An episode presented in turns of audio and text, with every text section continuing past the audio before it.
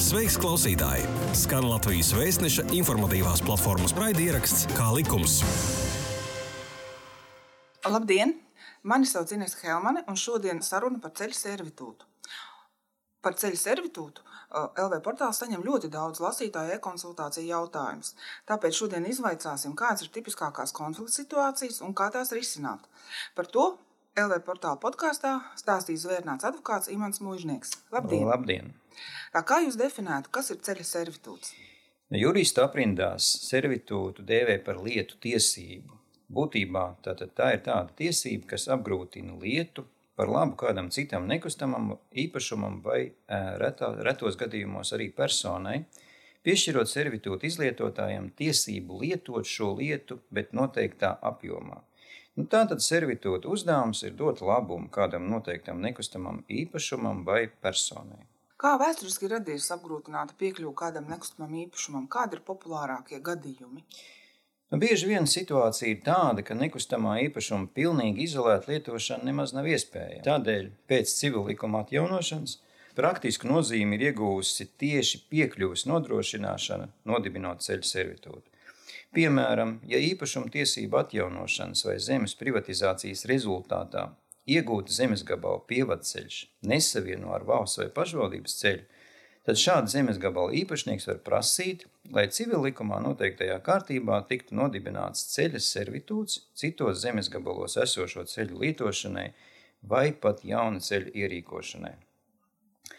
Tāpat servitūta nodibināšana var būt aktuāla arī dalīta īpašuma gadījumā, kad zeme un ēka pieder dažādām personām. Servitūti ir nozīmīgi arī dažādu infrastruktūras objektu, nu, piemēram, cauruļvadu ierīkošanā un izmantošanā uz svešas zemes, kā arī sveša zemes gabala dzīļu izmantošanā derīgo izrakteņu ieguvē. Nu, savukārt, eh, praktiskas nozīmes nav lietojuma tiesībai un dzīvokļu tiesībai, kad piemērotāka ir nevis personāla servitūta nodibināšana, bet gan uh, saistību līguma noslēgšana. Bet tātad ceļu servitūts tiek izmantots diezgan, biežos, diezgan bieži. Ja? Tā es saprotu, ka tieši bieži tā. ir tāda gadījuma. Tieši tā. Jā. Bet tomēr, vai pērkot nekustamo īpašumu, ir svarīgi skatīties, lai nebūtu ceļu servitūts, lai tā teikt varētu piekļūt īpašumam normālā veidā, vai tas, vai tas ir būtisks apgrūtinājums abām pusēm. Nu, parasti ir tā, ka jebkurš nekustamā īpašuma apgrūtinājums, tajā skaitā arī servitūts, samazina īpašuma vērtību. Tāpat ceļu servitūts vai, nu, piemēram, atbalsta tiesība vienmēr nozīmē nekustamā īpašuma tirgus vērtības samazinājumu. E, nekustamā īpašuma vērtība nesamazina, nu, piemēram, teiksim, skata tiesība, kas kalpojošā nekustamā īpašuma īpašniekam aizliedz pārveidot ainavu. E, nu, tas varētu būt kādā nomaļā un saimnieciskai darbībai neizmantojamā īpašuma daļā. Tādēļ pirms īpašuma iegādes būtu liederīgi ne tikai iepazīties ar īpašumu dabā, bet arī ieskatīties zemes grāmatās, zemes robežu plānos un, kas ir svarīgi, arī pašvaldības teritorijas attīstības plānošanas dokumentos. Kādi var būt ceļu servitūta veidi? Nu, servitūti vispār tiek iedalīti personāla servitūtos un reāla servitūtos.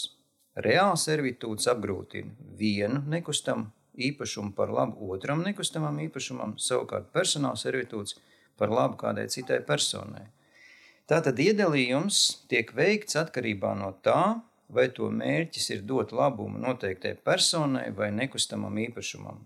Nu, savukārt reāla servitūta atkal tiek iedalīta lauku servitūtos un ēku servitūtos. Turklāt ēku un lauku servitūta dažādībai nav ierobežojumu.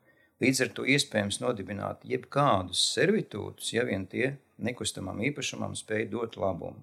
Savukārt jūsu minētais ceļa servitūts ir tikai viens no lauku servitūtu veidiem, tiesa gan ar vislielāko praktisko nozīmi. Nu, citi servitūti te varētu minēt tādus servitūtus kā ganību servitūts, koku ciršanas servitūts, manis pieminētais jau derīgo izrakteņu iegūs servitūts. Kāpēc ceļu servitūtam ir vislielākā praktiskā nozīme? Tieši dēļ tā, ka ir nepieciešams nodrošināt piekļuvi īpašumam un zemes reformas gaitā bieži vien bija tādas situācijas, kad par šo jautājumu vienkārši aizmirsa un veidoja nekustamos īpašumus, dalīja jau tālāk atsevišķās parcelēs, nenodrošinot piekļuvi. Tāpēc šobrīd viens no tiem iespējamiem risinājumiem ir ceļu servitūtu nodibināšana. Tātad, kā nodibina ceļu servitūtu? Kad tas ir likumīgs? Servitūtu vispār nodibina ar likumu, tiesas spriedumu, līgumu vai testamentu. Ar likumu servitūtu nodibina ļoti reti, piemēram, zemes reformas likumos tika paredzēta iespēja ar pašvaldības domas lēmumu nodibināt servitūtu noteiktiem mērķiem, visbiežāk piekļuvēji. Visbiežāk servitūts tiek nodibināts ar līgumu, pusēm par to vienojoties, nu, vai arī prasības kārtībā tiesā, ja šādu vienošanos panākt nav iespējams. Svarīgi ir atcerēties to, ka no servitūta izrietošā lietu tiesība ir nodibināta un spēkā abām pusēm tikai pēc servitūta ierakstīšanas zemes grāmatās. Sakiet, nu, jā, ja, ja ir jādibina ceļu servitūts, kā jūs ieteiktu to dibināt? Kāds ir visoptimālākais, nu, vismiermīlīgākais, ja tā var teikt, dibināšanas veids, vai tas būtu līgums, slēgt līgumu? Jā, nu, protams, vislabākais veids ir izvairīties no jebkādas tiesvedības, kas var būt dārga un ilgstoša, un vienoties ar savu kaimiņu par šādu servitūtu nodibināšanu. Un, ja tas ir līgums, tad kas ir būtiskākais, kas ir jāraksta šajā ceļu servitūtu līgumā? Nu, tātad līgumā būtu jānorāda darījuma dalībnieki, valdošais un kalpojošais īpašums, servitūta veids, atrašanās vieta un apmērs. Nu, ja mēs tā vairāk runājam tieši par ceļa servitūtu, tad noteikti tas būtu ceļa garums un platums. Tāpat līgumam vēlams pievienot mērnieka sagatavotu plānu ar servitūtu atrašanās vietas digitālajām koordinātēm. Nu, un tieši tas iespējams ļautu izvairīties no turpmākajiem strīdiem par servitūtu izmantošanu. Līgumā var paredzēt arī dažādus aprobežojumus, nu, piemēram, laika ziņā, kad servitūta izlietošana atļauta tikai noteiktās dienās, mēnešos vai gada laikā, vai arī atļaut līdz noteiktam termiņam. Tāpat aprobežojums var attiekties uz izlietošanas veidu, nu, piemēram, nodibinot ar līgumu ceļu servitūtu var noteikt aprobežojums pa ceļu braucošo transporta līdzekļu masai. Nu, ir bijuši gadījumi, kad eh, nosaka arī ceļa servitūta virzienu. Lai šādi aprobežojumi iegūtu spēku, tie obligāti ir jāieraksta zemes grāmatā kopā ar servitūtu. Vajadzētu atcerēties arī par servitūtu atbilstību vietējās pašvaldības apbūves noteikumu prasībām. Nu, tādēļ atsevišķos gadījumos būs nepieciešams līgumu, servitūtu līgumu saskaņot arī ar pašvaldību. Tad īpašums, kurš, kuru ceļš šķērso, ir kalpojušais īpašums, bet īpašumu, kuram par labu servitūts izveidots, ir valdošais. Kādas ir abas puses tiesības un pienākumi, kad ir izveidots ceļš servitūts? Kas kuram būtu jādara? Nu, galvenais nosacījums ir tāds, eh, ka servitūta izlietotājam sava tiesība ir jāizlieto tā, lai īpašnieka tiesības uz savu lietu un it sevišķi lietošanas tiesība tiktu ierobežotas tikai tik tālu, cik tā šāds ierobežojums ir absolūti nepieciešams servitūta izlietošanai. Nu, līdz ar to arī, eh, ja servitūta izlietošanai būs nepieciešams uzturēt kalpojošo lietu, Tas būs jādara servitūta izlietotājiem. Attiecīgi, tad arī kalpojošās lietas īpašnieks nedrīkst likt nekādus šķēršļus, un viņam jāievēro servitūta izlietotāja tiesības tādā apmērā, kāds nepieciešams sekmīgai servitūta izlietošanai. Bet, kāpēc ir tik daudz strīdu par ceļu servitūtu nodibināšanu, izmaiņām, izbēgšanu, kā arī ceļu uzturēšanu? Vai varētu teikt, ka tiesiskais regulējums ir diezgan vispārīgs, kas pieļauj dažādas interpretācijas iespējas, jeb, jeb tas tā nav? Nu, manuprāt, tiesiskais regulējums ir pietiekams. Atcerēsimies, ka privātiesībās vispār vajadzētu atturēties no pārmērīgas reglamentācijas. Nu, turklāt tas ir izturējis arī laika pārbaudījumu. Savukārt šos dažādos strīdus palīdz risināt arī tiesu prakse, Kas attiecās uz šiem tipiskākajiem gadījumiem, tad, eh, protams, te ir jāmin jautājumi, kas ir saistīti ar servitūtu nodibināšanu konkrēti piekļuvis jomā. kā arī par jau nodibinātā servitūta izmantošanas nosacījumiem un servitūta apjomu. Jā, starp citu, viens no strīdu iemesliem ir tas, ka zemes reformas laikā pašvaldības noteica servitūtus atzīmes veidā. Šāds pašvaldības lēmums un atzīmes veidā zemes grāmatā izdarītais ieraksts neapliecina braucama, braucamā ceļa servitūta nodibināšanas faktu par labu konkrētam valdošam īpašumam. Un šādā situācijā potenciāli, protams, ja puses nevar vienoties, potenciāli ir iespējama tiesvedība. Spriežot pēc LV portālām iesūtītajiem jautājumiem, nereti kalpojošais īpašums liek šķēršļus ceļu servitūtu izmantošanā. Piemēram, ir gadījumi, kad ceļu servitūts šķērso lauku stāsts pagalmu, un tad, protams, tas kalpojošam īpašumam nepatīk. Kā risināt šādas situācijas? Ko darīt šādā gadījumā? Nu, šādā gadījumā servitūta valdītājam, tāpat kā jebkuram tiesības valdītājam, ir tiesība uz pastāvošu valdījuma aizsardzību vai atņemta valdījuma atjaunošanu. Proti, servitūta valdītājs var celt prasību par servitūta valdījuma atjaunošanu vai aizsardzību. Šādu prasību var celt viena gada laikā, tad tas ir šīs prasības noilgums, pēc valdījuma atņemšanas vai traucējuma. Eh, vienlaikus servitūta valdītājam ir tiesība arī uz zaudējumu atlīdzināšanu tieši saistībā ar eh, šo valdījumu jautājumu. Bet tāda situācija var būt, ka cauri pagalmam iet, tas, iet ceļu servitūts. Jā, protams. Es pat tāds. esmu piedzīvojis tādu gadījumu, kad uz vienu lauku māju ir jābrauc caur citas svešas mājas pagalmu. Tāda situācija, protams, var būt, un, un, un tā, tā tas dzīvē arī notiek. Kā jau es minēju, šīs situācijas nu, saknes varbūt ir veikt, meklējamas nepārāk veiksmīgā arī e, zemes reformas e, rezultātā. E, bet ar to ir jārēķinās, bet, protams, ka tiesību sistēmā ir iespējams šos jautājumus risināt. Un svarīgi ir tas, lai abas puses saprotoši izturētos pret šādu situāciju, un tad arī tas risinājums varbūt būs atrodams bez tiesas starpniecības. Jā, bet vai piemēram šādā gadījumā, kad iet ceļš cauri pagalmam, ceļu servitūts ir cauri pagalmā, vai var ierīkot kaut kur citur ceļu. Jo tas ir jāskatās pēc konkrētiem apstākļiem, lai tad abas puses būtu apmierināts. Vienai būtu piekļuve savai mājai, otra pagalma nešķērsot ceļu servitūtu. Nu, teorētiski jau to var izdarīt, bet jautājums ir, kā to izdarīt tīri praktiski. Ja? Mm. Tas ir saistīts ar ļoti būtiskām izmaksām, ar uh, To, cita ceļa ierīkošana, vai ne? Jā, nu, cita ceļa ierīkošana. Iespējams, ka tur būs vajadzīgs projekts, un iespējams, ka tur būs nepieciešams atkal vienoties ar citiem īpašniekiem. Līdz ar to tas cita ceļa variants nevienmēr būs tas optimālākais un, un, un, un pareizākais. Mhm. Nereti arī LV portāls saņem jautājumus par to, ka par ceļu servitūta lietošanu vēlas, kalpojušais īpašums vēlas saņemt maksu. Piemēram, tādā gadījumā, kad servitūta lietotājs izsērt mežu, tātad pelna naudu, vēlas par šo ceļu vest kravu. Pēc būtības kalpojošais īpašuma saimnieks saka, es ļauju piekļūt īpašumam, un tikai ar mēģi cirst un pelnīt, un par to nemaksājot, un nedodot nekādu ieguldījumu ceļu uzturēšanā.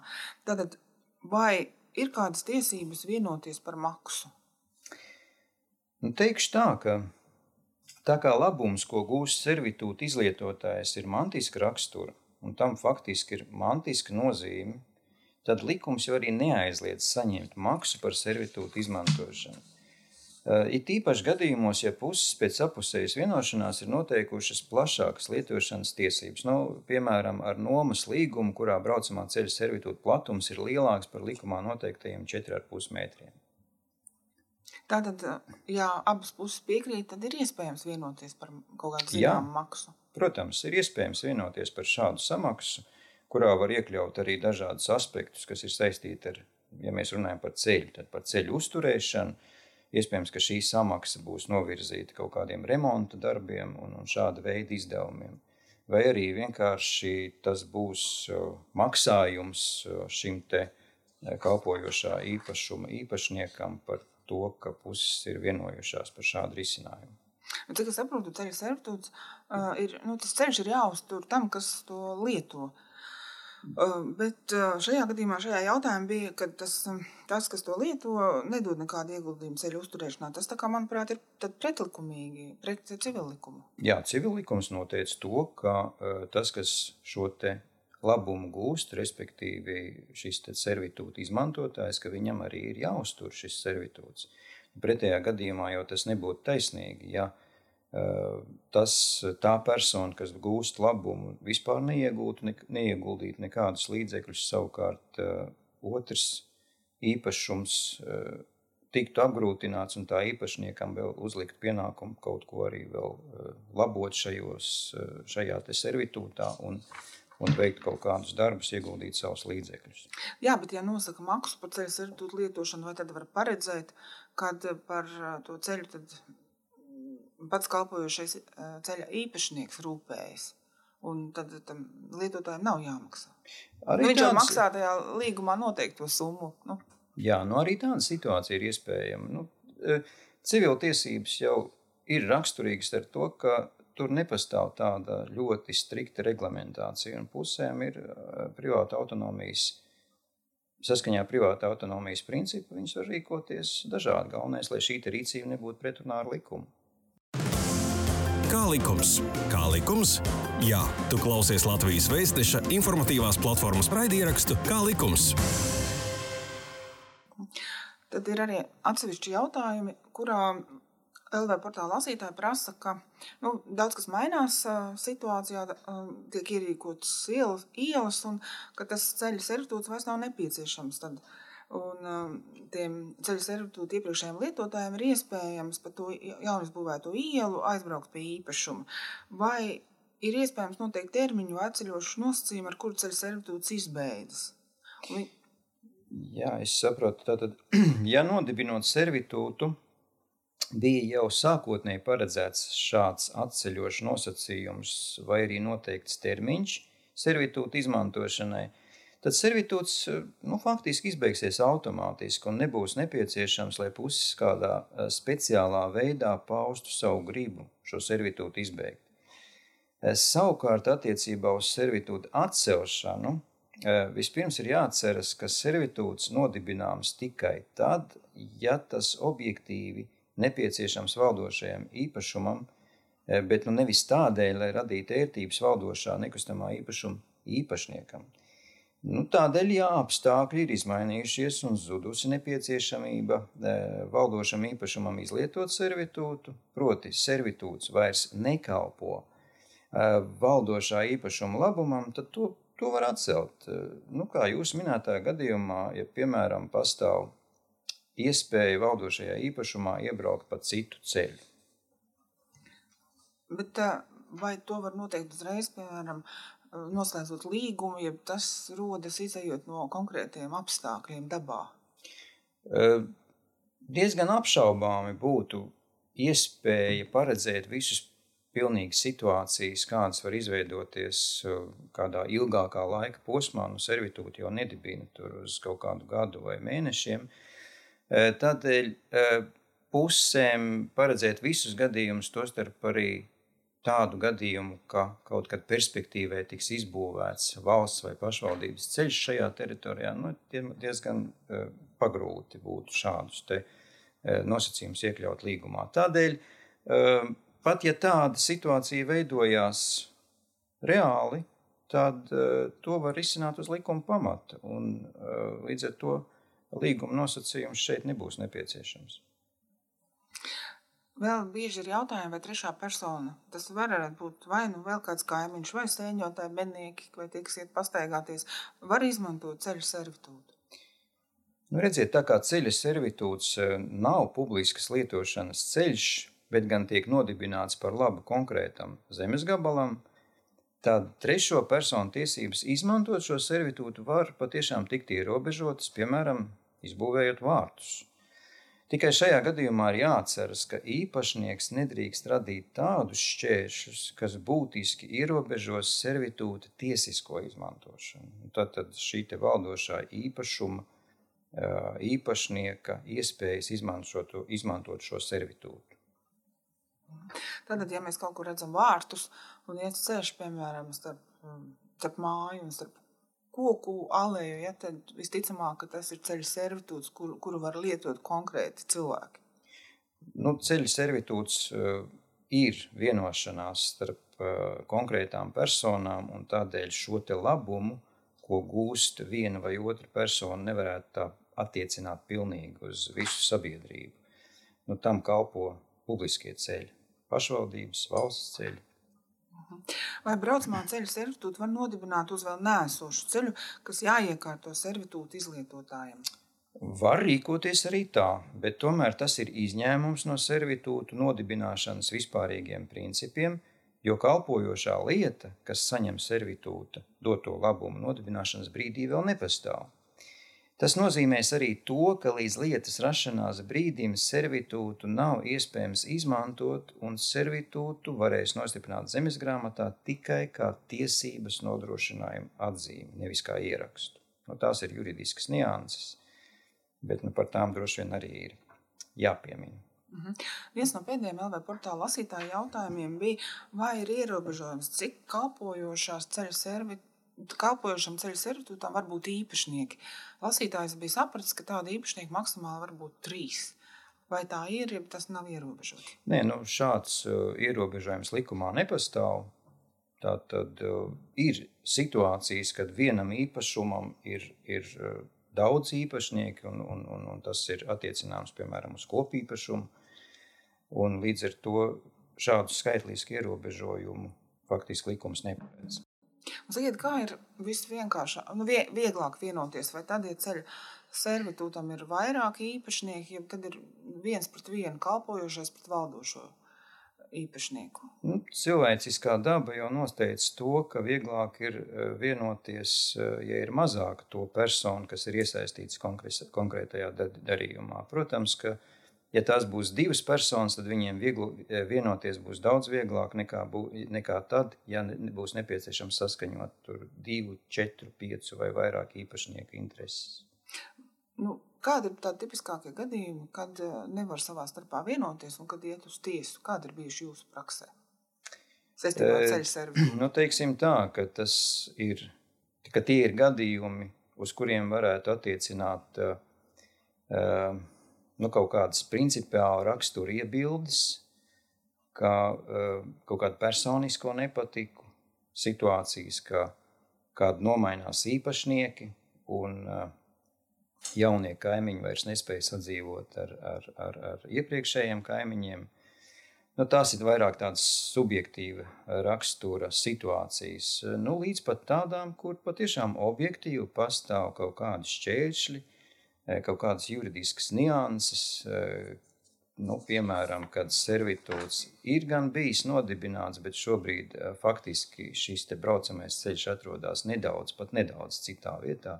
Arī tas var radīt strīdus, līdz ar to šeit abām pusēm ir jāpieliek nu, zināms pūles, lai viņi varētu vienoties par iespējami labāku risinājumu. Nu, jāatcerās, ka jebkurā gadījumā tas ir kompromiss, un tad abām pusēm ir jāspēj kaut kur piekāpties, lai izvairītos no tiesvedības. Jūs teicāt, ka ceļu servitūts samazina īpašumu vērtību.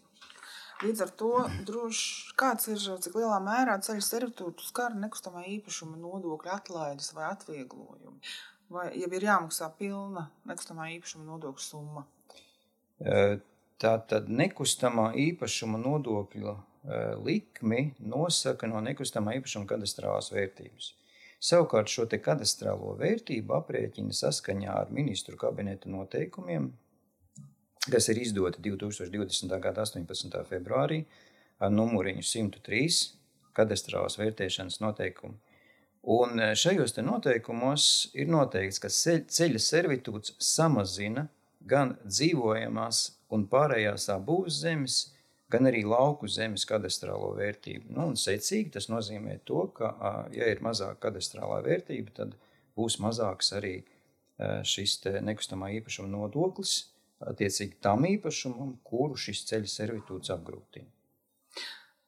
Mm, parasti Latvijas salīdzina Baltijas mērogā, un man gribās pajautāt, varbūt jūs zināt, kā tas ir Lietuvā un Igaunijā, vai tur arī darbojas tāda ceļa servitūti, ja tas tā nav? Nu, ja tas ir visur. Jā, nu, principā ceļu servitūtu instrumentu jau izmanto ļoti plaši, ne tikai Latvijā, tas ir arī citās valstīs.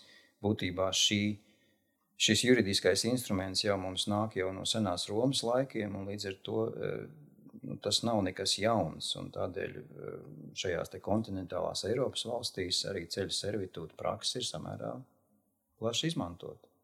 Bet tas nozīmē, ka nevar būt tāda situācija, ka nav tāda ka nav vispār ceļu servitūta. Ceļu servitūts vienmēr ir kaut kāda atsevišķa izņēmuma gadījuma, kad uh, ir jānodibina ceļu servitūts.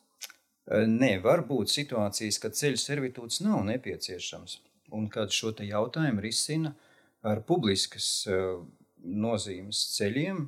Šajā gadījumā es domāju, tie ir valsts un pašvaldības ceļi. Un, Ja īpašumam ir nodrošināta piekļuve caur valsts vai pašvaldības ceļu, tad servitūta nepieciešamība vienkārši atkrīt. Sakiet, cik lielā mērā valsts pašvaldība būtu ieinteresēta radīt tādu situāciju, lai tie ceļu servitūti nepastāvētu, lai būtu ielas un, un, un ceļi, pa ko piebraukt katram konkrētam īpašumam, lai nebūtu strīdi kaimiņu starpā par to. Nu, vispirms te vajadzētu atcerēties to, ka ceļu servitūts un nu, vispār servitūts kā tāds, tas ir privātiesība instruments. Savukārt valsts un pašvaldība uh, rīkojās vai izmanto publisko tiesību instrumentus. Un viens no šiem te uh, veidiem vai, vai pat funkcijām, kas, kas ir konkrēti, piemēram, pašvaldībai, ir uh, šīs ceļu infrastruktūras izveidošana.